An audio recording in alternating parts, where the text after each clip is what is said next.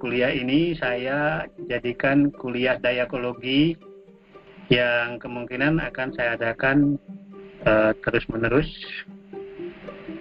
meskipun kuliah ini apa semester ini sudah berlalu.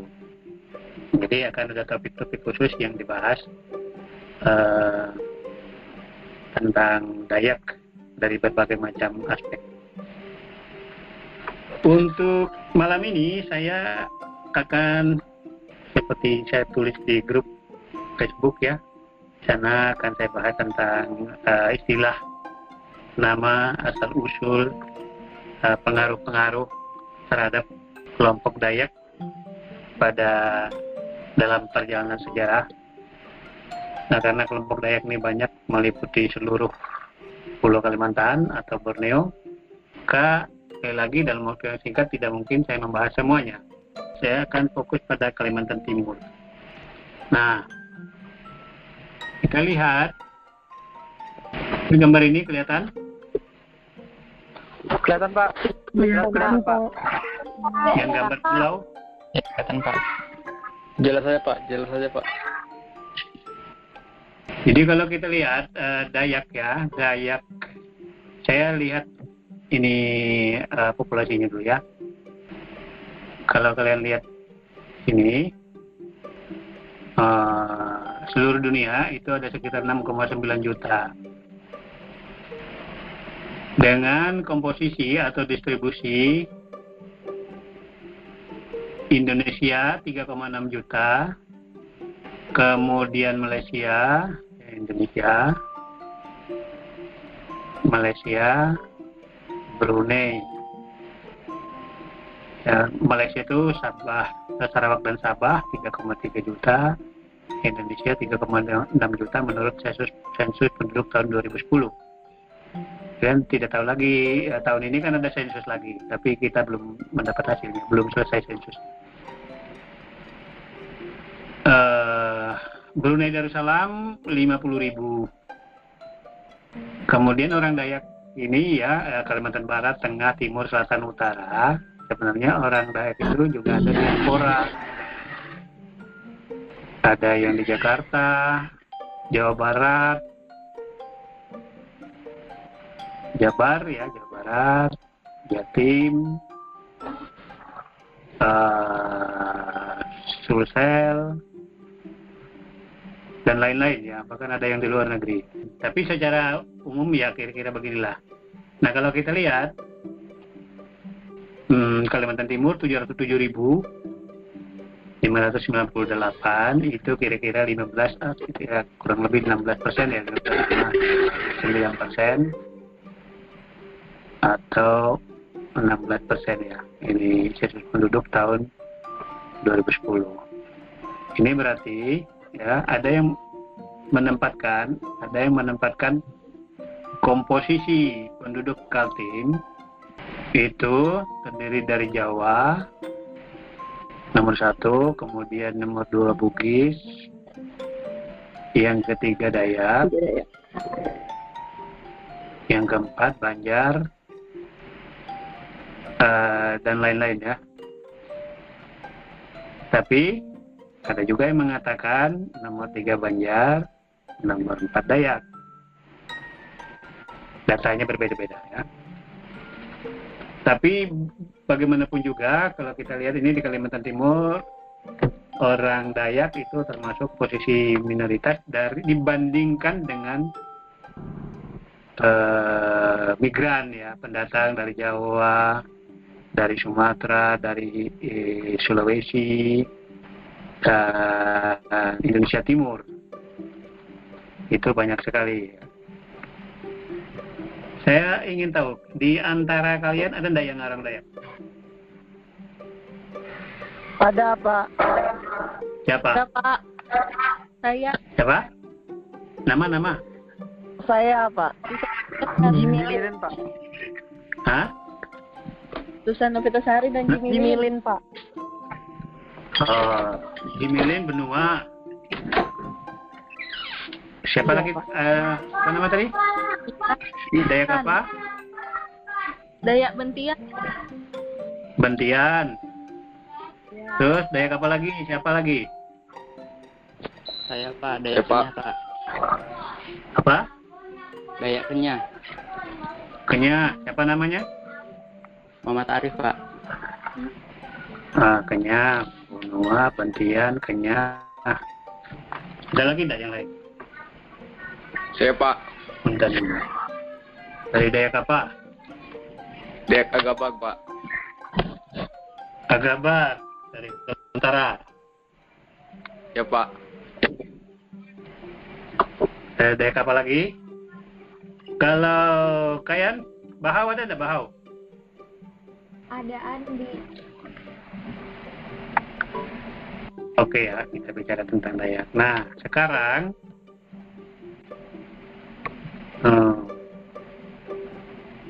saya tunjukkan dulu referensi ya. Referensi yang saya pakai ada, saya upload di grup Facebook. Ada banyak bacaan.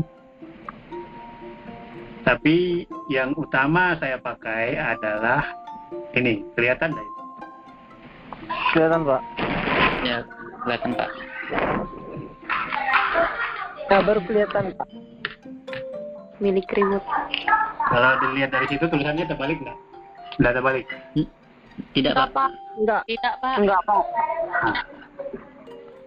Jadi ini buku lama karangan mantan gubernur Kalimantan Tengah. Namanya di pojok ini Tilly Wood. Eh,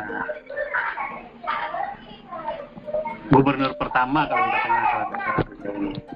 Kemudian diedit untuk diterbitkan ul- ulang oleh anaknya namanya Nila Riwood. Di sini namanya Nila Riwood saya kenal orangnya eh, ibu ini tinggal di Jogja dan menikah dengan orang Jawa. Eh, ini diterbitkan tahun 2003 kita tahu yang mana judulnya. Sanaman Mantike Eh, Manaser Panatau Tahu Tatu Hiap Eh, referensi ini menarik meskipun cukup lama, eh, cukup bagus, jadi saya pakai. Kemudian yang kedua, manusia daya. Dahulu, sekarang, masa depan. Ditulis oleh Michael Komans.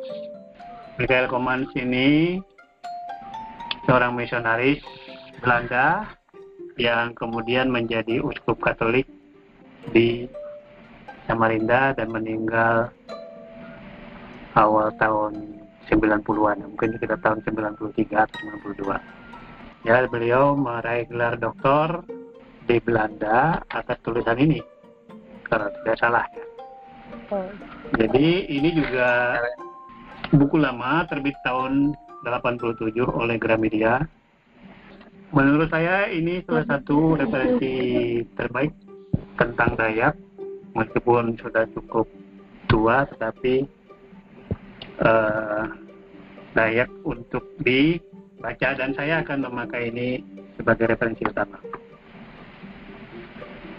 Ada banyak yang lain, misalnya di layar saya tuh, di screen saya, ini buku yang saya tulis bersama rekan saya, orang Kenya, Pandanimang.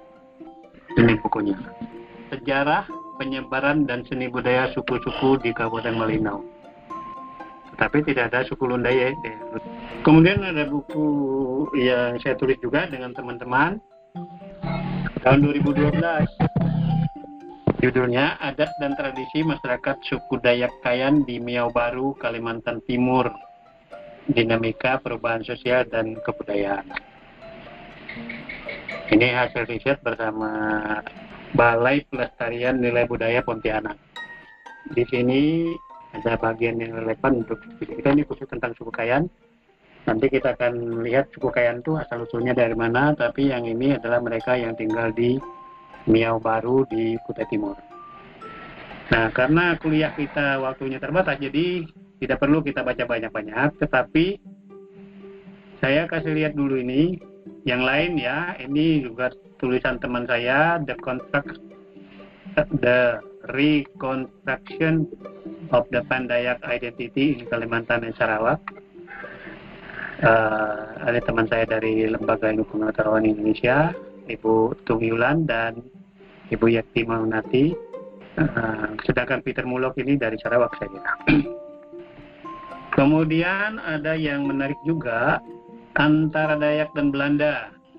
Ini terbitan lembaga eh, Belanda yang namanya KITLB di Jakarta di bahasa Indonesia.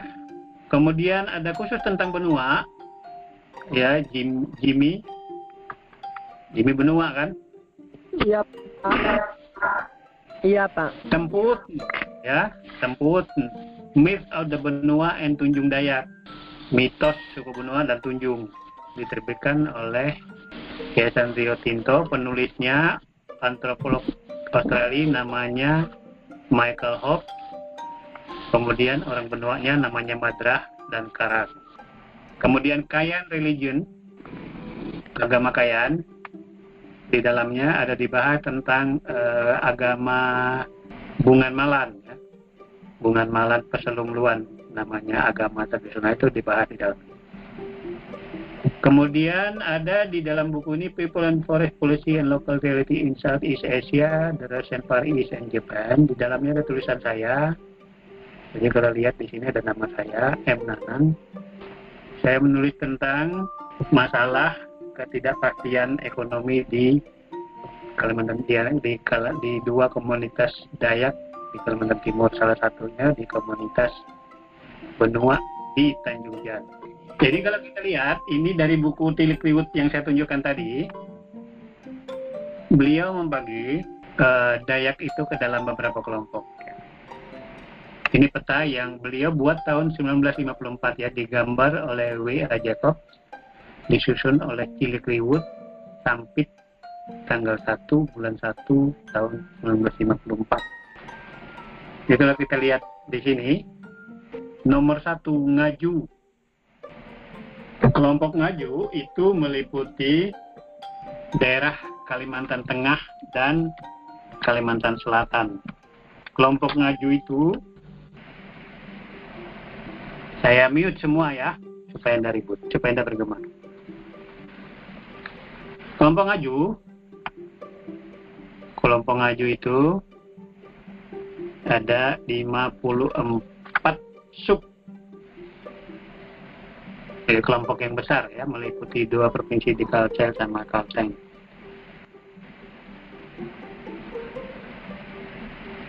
Kemudian ada kelompok Pot Danum juga di Kalimantan Tengah ini. Eh,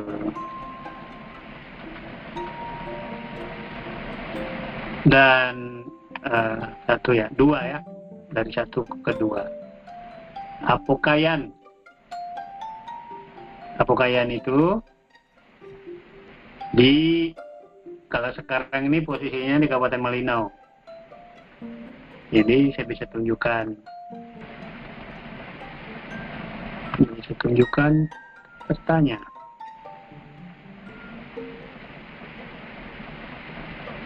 Jadi Apokayan itu ada di perbatasan dengan Malaysia, khususnya Sarawak. Uh, posisinya di Kabupaten Malinau. Nah ini kita lihat ya, ini peta yang saya buat untuk riset kami tiga tahun yang lalu ini daerah Apokayan. Itu sana Apokayan. Ini Sarawak. Malaysia. Ya, ini kota kota Malinau nih. Eh, sini. Jadi di di sana ada beberapa kecamatan ya, ada Kayan Selatan, apalagi kecamatannya Kayan Ulu. Apalagi saya tidak apa ya tapi posisinya itu jauh kalau di kita lihat tuh dekat perbatasan. Yang tinggal di sana kelompok apa? Mereka yang disebut kelompok kepakaian itu adalah uh, orang Kayan, orang Kenyah, ya Kayan Kenyah. Bahau, Bahau itu sebenarnya dari daerah Apokayan juga, yaitu di daerah Sungai Bahau, yang merupakan anak dari eh, apa, Sungai Kayan. Jadi uh, di peta ini tidak kelihatan ya.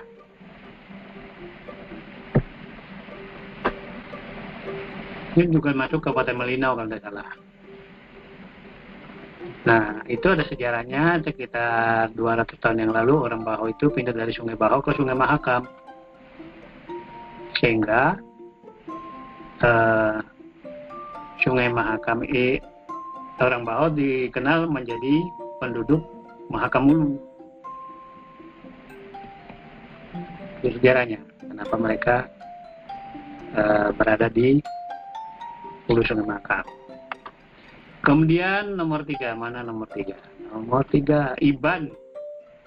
Ada yang menyebutnya Heban. Uh, Dayak Laut ya, mereka terkenal sebagai orang laut, ya mirip-mirip orang Bajau. Tapi mereka khusus disebut Iban. Orang Iban itu kalau berbicaranya uh, banyak pakai, kalau kita ketemu orang Iban mereka banyak uh, ujung dari kata-katanya itu pakai i. Jadi misalnya berjalan, mereka bilang berjalai. Uh, panjang menjadi panjai. Jadi rumah panjang menjadi rumah panjai. Seperti itu. Itu orang Iban. Kalau kita kembali ke apa kayak tadi, orang Kenyah itu ada 24 sub. Jadi di dalam buku yang ditulis saya dengan Pandan Imang itu ada diuraikan sub-subnya itu. Yang ketiga, yang keempat, Kalimantan, Dayak Darat. Di Kalimantan Barat. Nah, Kalimantan itu uh, kalau Barat saya tidak tidak begitu kenal, tidak begitu hafal kelompok-kelompok mereka itu, tapi salah satu kelompok yang uh, sub yang terkenal itu adalah uh, Kenayat, budaya Kenayat. Lalu kalau kita lihat juga kelompok Apukayan ini tadi orang Kayan ada yang pindah ke Kalimantan Barat. Mereka tinggal di mendalam di Kabupaten Kapuas. Jadi kalau kita melihat, kalau saya cek ini ya, kalau saya cek peta ini mendalam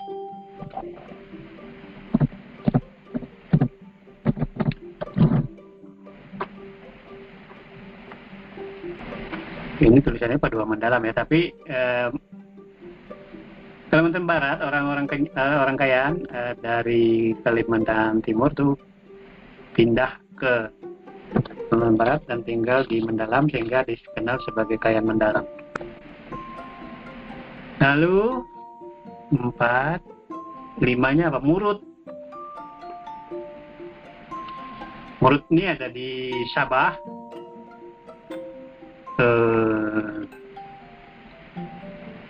termasuk di dalam kelompok murid ini yang ada di Indonesia adalah orang Lundaye atau dikenal sebagai Lun Bawang.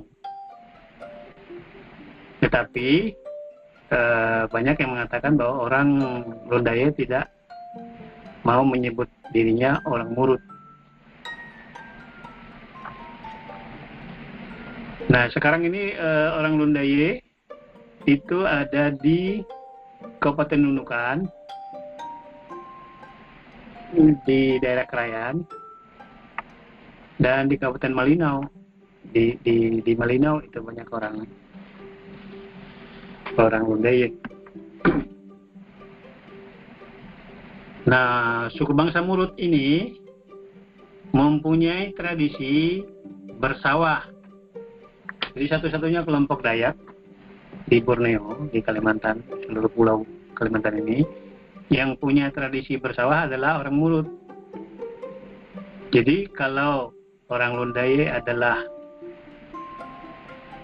bagian dari kelompok Murut, maka benar saja bahwa mereka mempunyai tradisi bersawah. Kalau kita pergi ke Krayan, ke Longbawan misalnya, itu kita bisa melihat orang-orang yang punya sawah di sana. Lalu ini yang kelima, yang keenam. Enamnya mana nih? Hunan, ya. Hunan ini kalau di uh, Sarawak di Malaysia disebut Panan. Orang Punan ini ada di mana-mana ya. Di Malaysia ada, di Indonesia ada, di Malinau ada, di uh, apa namanya di hulu sungai. Kemudian ada juga mereka yang tinggal di dekat kota Malinau yang mereka sudah di resettle oleh pemerintah Orde Baru dulu. Kemudian mereka juga ada di, uh, setahu saya mereka juga ada di Mahakam Mulu, di tepi sungai Mahakam di Long Merah. Nah kelompok Punan ini bahasanya beda-beda, ya antara kelompok satu dengan yang lain itu bahasanya tidak sama. Ada riset uh, biologi terbaru dari lembaga Eijkman, Eijkman ya, yang mengatakan bahwa secara genetik orang Punan ini gennya berbeda dari kelompok Dayak yang lain, terutama dengan Kenyah. Itu yang ke enam. Yang ketujuh apa? Ordanum. Ya, Ordanum juga ini ada di Kalimantan Tengah. Kelompoknya macam-macam. Ya, maksud saya sub kelompoknya macam-macam. Saya kira itu garis besarnya. Udah tahu di mana. Kalau orang benua masuk mana nih? Uh, benua Bantian, Tunjung, itu masuk kelompok lawangan. Ya, saya tulis di sini ya. Saya tulis lagi. Benua, Tunjung, hmm, Bentian,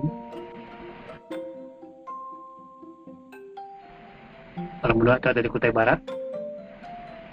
Asal uh, lokasi aslinya, tapi mereka ada di mana-mana. Uh, artinya sudah banyak yang bermigrasi. Bentian, itu contohnya saya belum jadi. Itu masuk kelompok lawangan. Nah, kelompok lawangan itu uh, ada banyak sekali subnya. Uh, lebih banyak di Kalimantan Tengah. Yang di Kalimantan Timur itu Benua, Tunjung, Bentian, dan nah saya kasih tanda kutip nih pasir. Ada orang pasir di antara kalian? Pasir ini menurut uh, Cilik Riwut ini masuk kelompok ngaju. Tetapi kalau lihat bahasanya, ya bahasanya dekat dengan benua. Tetapi ya dalam perkembangan sekarang orang pasir itu terbelah dua Dayak dan bukan Dayak. Artinya yang mengaku Dayak dan yang mengaku bukan Dayak. Meskipun secara genealogis asal usulnya uh, sama. Jadi kalau kalian melihat yang mengaku Dayak ini di Kabupaten Pasir atau PPU itu mereka ada kepala adat Dayaknya. Tapi ada yang tidak mengaku uh, kepala adat ini karena mereka mengakunya bukan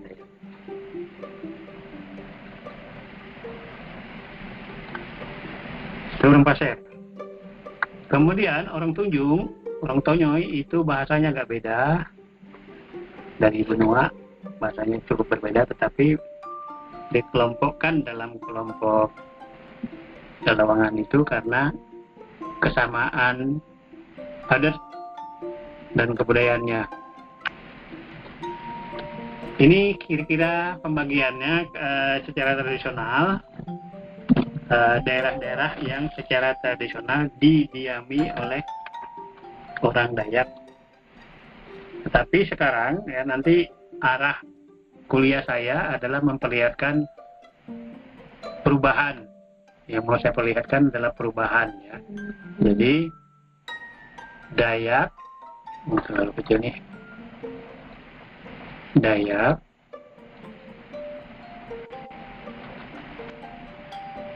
dahulu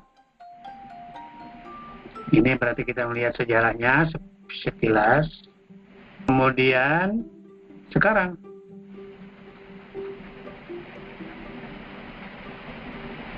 Nah ada ada proses perjalanan. Dahulu atau dulu dahulu. Kemudian ada proses sejarah. Sekarang Nah, dahulu ini kita bahasnya uh, ya. Ini ada proses sejarah ya. Orang Dayak ini ternyata di dalam sejarahnya itu berjumpa dengan hmm, macam-macam hmm, kelompok yang lain ya. Dalam perjalanan sejarah ini ada Hindu, ada Islam,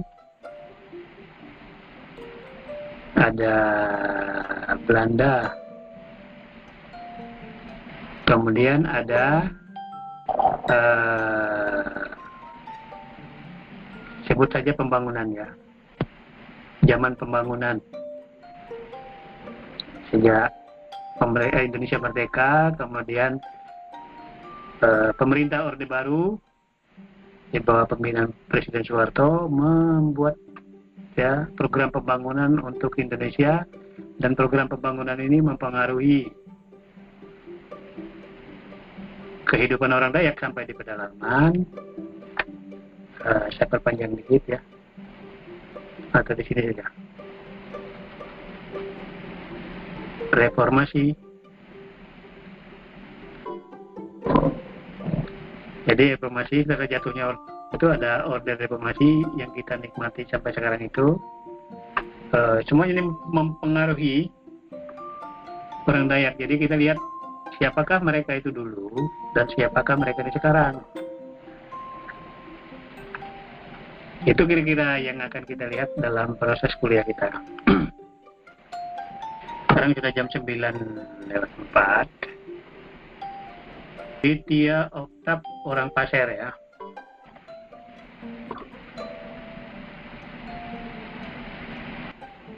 Orang pasir yang ngaku Dayak atau bukan Dayak nih?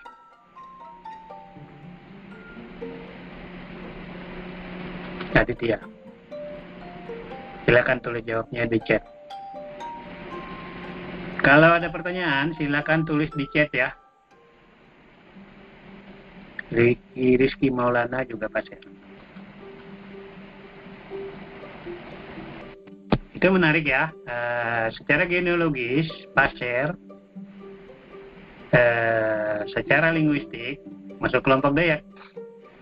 Tetapi mengapa orang pasir ada yang tidak mengaku Dayak itu nanti mungkin kalian yang masuk kelompok yang bukan Dayak itu ya eh, mungkin bikin paper mengapa orang pasir bukan Dayak. Sekarang saya singkat saja ya. Uh, jam 9 Ternyata memakan waktu banyak ya untuk menjelaskan ini. Sekarang kita bicara asal usul saja dulu ya. Asal usul. Habis itu saya selesaikan. Karena ini mau apa audionya mau saya upload di podcast nanti kalau kepanjangan orang mau dengar. Asal usul dari mana orang Dayak itu ya? Ada yang mengatakan bahwa uh, orang Dayak itu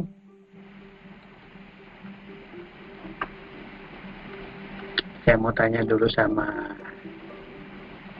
yang orang benua ini, Jimmy, Jimmy.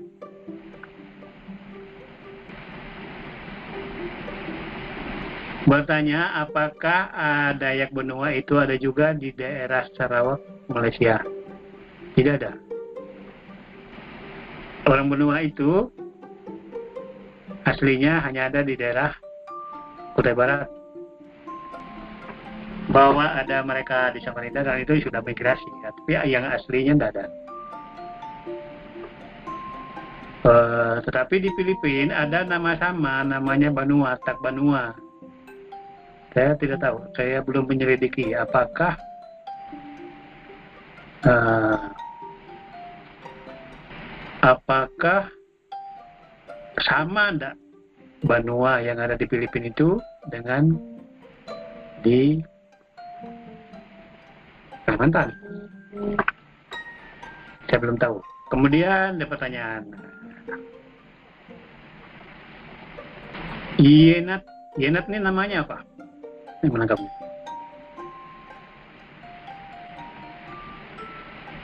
Suku Dayak Kenyah itu asalnya dari aslinya dari mana?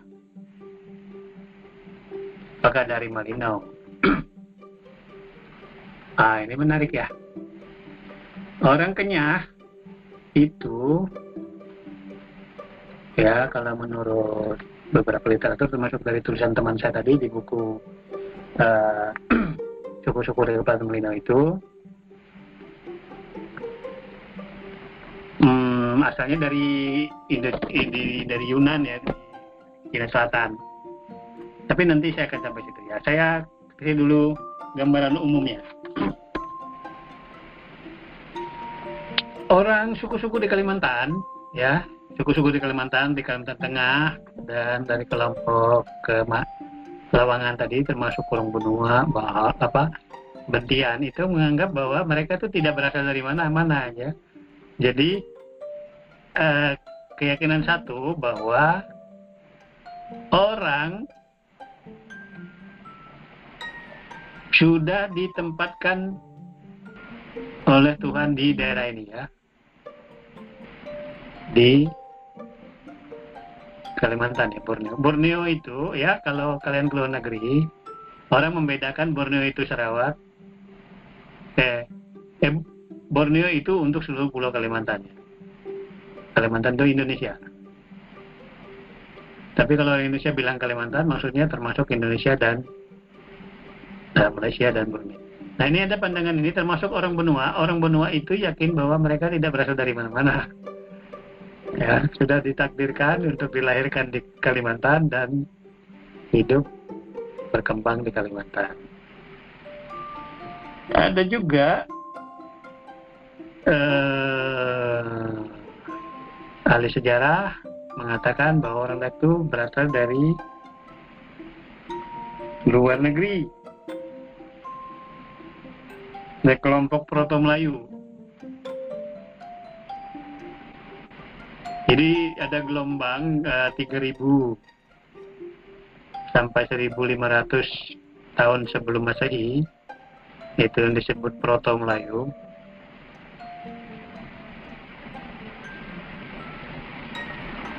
Mereka pindah uh, ada perpindahan pada waktu agak mudah karena laut tidak sedalam sekarang. Uh, mereka pindah dari Yunan di Cina Selatan ke Indochina.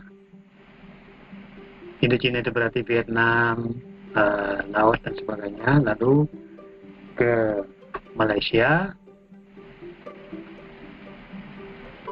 baru ke Indonesia. Ada yang juga dari Yunan ke Taiwan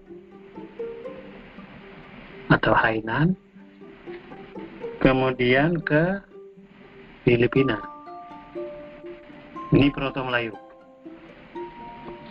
Nah, tidak begitu jelas apakah yang kelompok Proto Melayu ini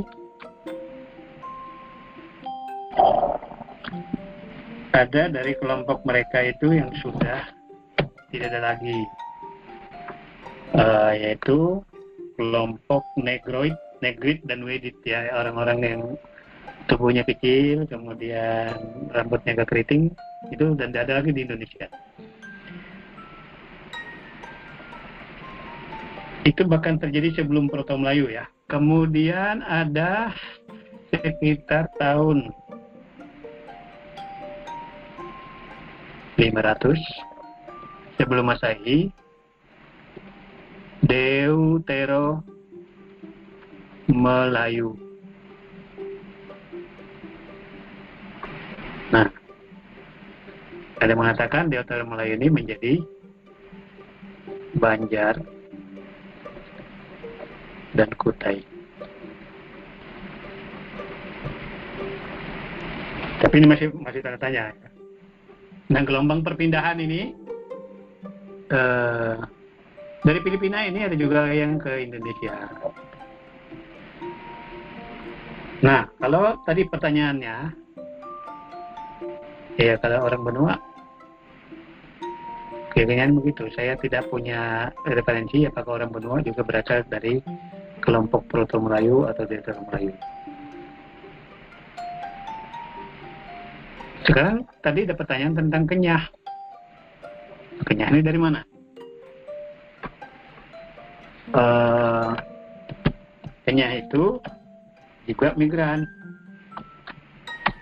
Jadi kalau kita lihat ya, saya cek dulu tulisan teman saya ini.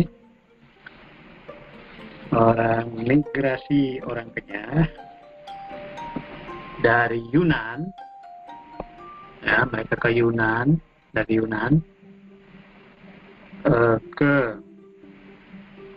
Brunei, lalu ke Sungai Baram di Sarawak, kemudian ke Sungai Baluy,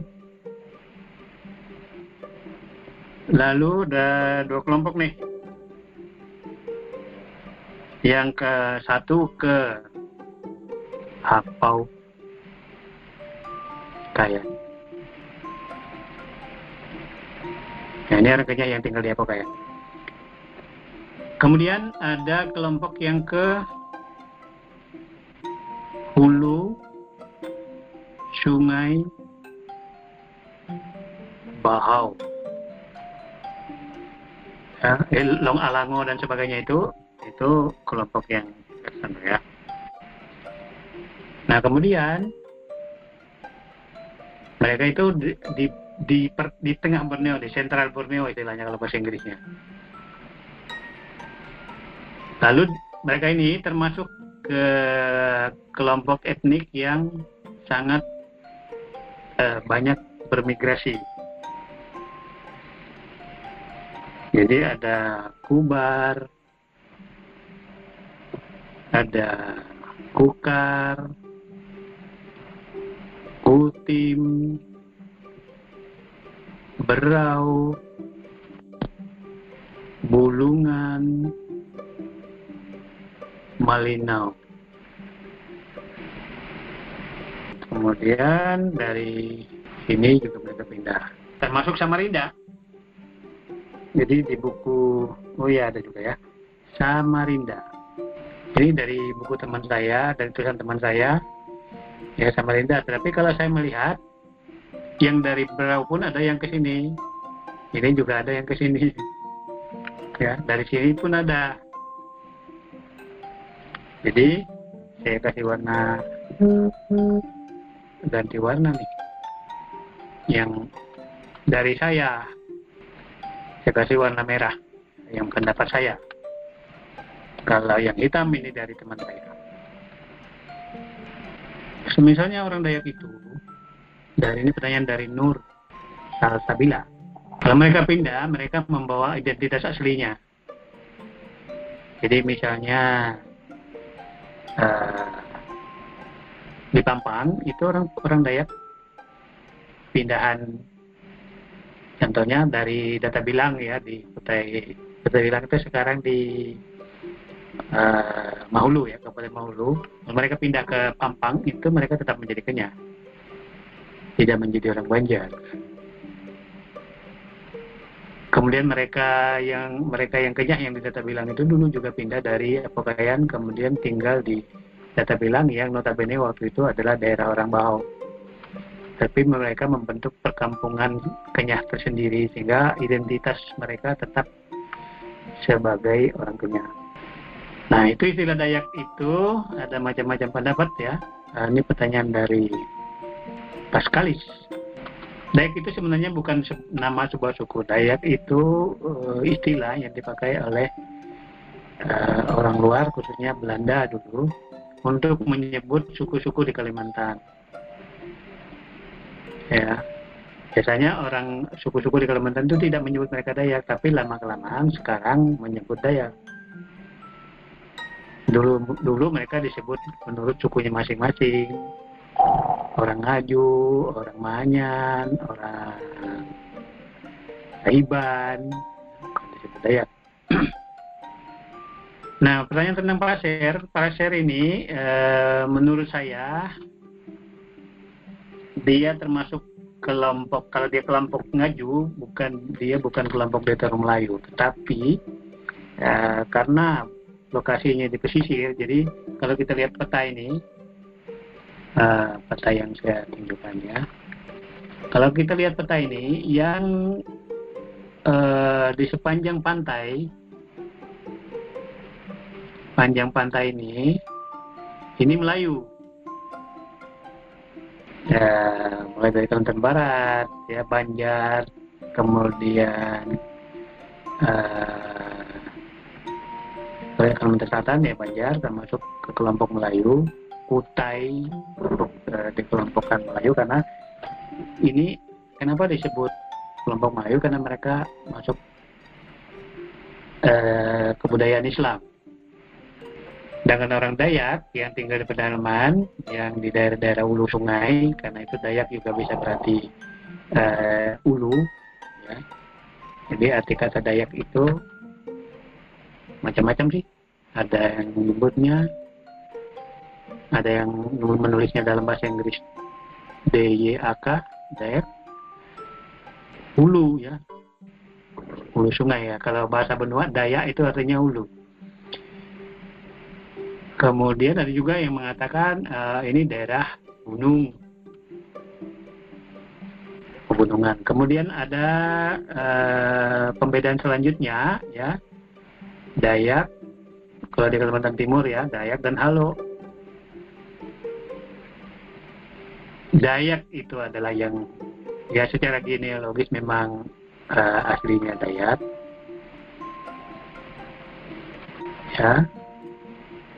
Halo itu adalah non Dayak uh, yang notabene yang dimaksud adalah Islam dulu ya.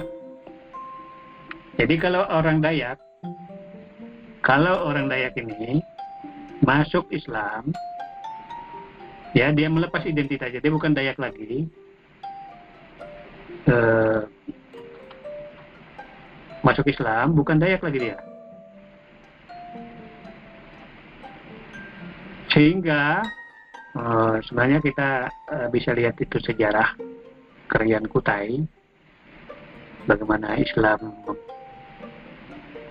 kemudian masuk ke tanah Dayak ya. Orang-orang Dayak yang menjadi Islam itu dulu sekarang uh, menyebutnya bukan Dayak. Ya. Jadi putus eh, identitasnya sudah putus gitu identitas kedayakannya sehingga populasi orang Dayak dengan banyak yang masuk Islam itu populasinya berkurang itu salah satu pengaruh Islam uh, terhadap orang Dayak di pedalaman tetapi ya, itu dulu sekarang eh, orang Dayak yang menjadi Islam pun banyak yang tetap mengaku bahwa mereka orang Dayak. Oke, tidak ada pertanyaan lain ya. Waktunya sudah 9.25, mau saya tutup, meskipun sebenarnya banyak yang ingin saya katakan. Eh, tolong sampaikan, ya pesan saya terakhir, tolong sampaikan karena saya lihat nih yang ikut kuliah ini baru 65 orang dari sekitar 80 orang. Tolong sampaikan kepada mereka supaya ya ikut di dalam kuliah ini ya.